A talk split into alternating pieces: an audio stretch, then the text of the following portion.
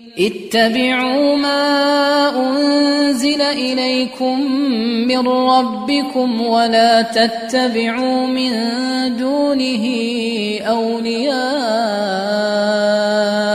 قليلا ما تذكرون Manusia itu tidak ada habisnya lisannya. Tidak ada hal yang bisa membuat mereka ridha. Tapi yang bisa dilakukan adalah seorang membuat Allah ridha. Itu yang bisa dilakukan. Jelas ya? Adapun dia membuat manusia itu ridha, tidak ada di dalam kehidupan dunia ini ada satu orang semua manusia ridha terhadapnya. Itu tidak ada ceritanya. Ya. Dan tidak ada siapa pun yang selamat dari gangguan manusia. Ya.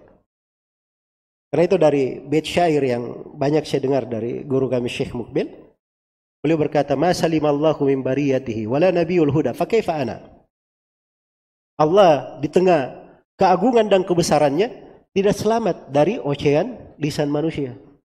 Ada yang mengatakan Allah adalah satu dari yang tiga. Ya, ada yang mengatakan bahwa Allah punya anak. Tidak lepas dari ocehan manusia. Tidak pula Nabi Muhammad lepas dari ocehan manusia. Apalagi saya. Kan begitu. Makanya seorang dai dia tidak memikirkan apa yang diucapkan oleh orang. Yang dia pikir bagaimana orang ini selamat dari api neraka. Masuk ke dalam sorga selamat dari api neraka. Diajak ke jalan Islam. Ya. Karena itu kadang menasihati seorang, betul di dunia ini dia marah dinasihati. Tidak apa-apa dia marah di dunia daripada kita bertengkar di akhirat. Kalau di akhirat kecintaan di dunia berubah menjadi pemusuhan. Kecuali kecintaan yang dibangun di atas ketakwaan. Allah berfirman, "Al-akhillau yawma idin ba'duhum li ba'din adu illa al-muttaqin." Orang-orang yang saling mencintai di dunia, sebagian dari mereka adalah musuh terhadap sebagiannya pada hari kiamat. Kecuali orang-orang yang bertakwa.